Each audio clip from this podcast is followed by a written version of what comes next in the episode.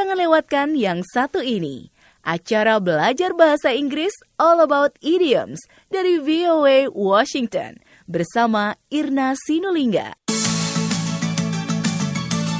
Halo dan apa kabar semua sobat VOA? Di sini saya bersama Jonathan Evans.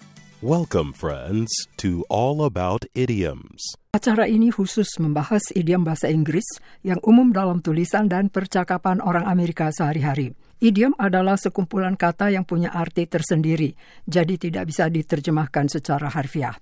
Oleh karena itu, jika seseorang memahami idiom yang jumlahnya ribuan, sering dinilai bahasa Inggrisnya setara dengan seorang native speaker. Salah satu idiom yang sering kita dengar atau baca adalah Jonathan. A drop in the bucket, Irna. Sekali lagi. A drop in the bucket. Artinya, jumlah yang sedikit sekali dari yang dibutuhkan. Secara harfiah artinya setetes air di dalam ember. Bayangkan saja kalau air setengah ember hendak kita penuhkan tetapi tambahan air yang kita dapat hanya setetes, kapan penuhnya ember itu? O, ejaannya A, artinya satu atau sebuah.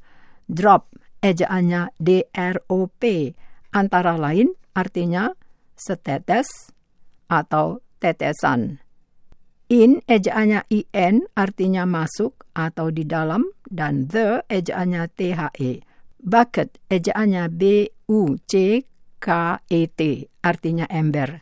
Kita simak contohnya. We need to raise over $1 million to fund the new Center for AIDS Research. The $1,000 we have collected is just a drop in the bucket. Artinya kita perlu mencari dana lebih sejuta dolar untuk membiayai pusat riset AIDS yang baru itu. Dana seribu dolar yang sudah kita kumpulkan terlalu kecil untuk kebutuhan kita.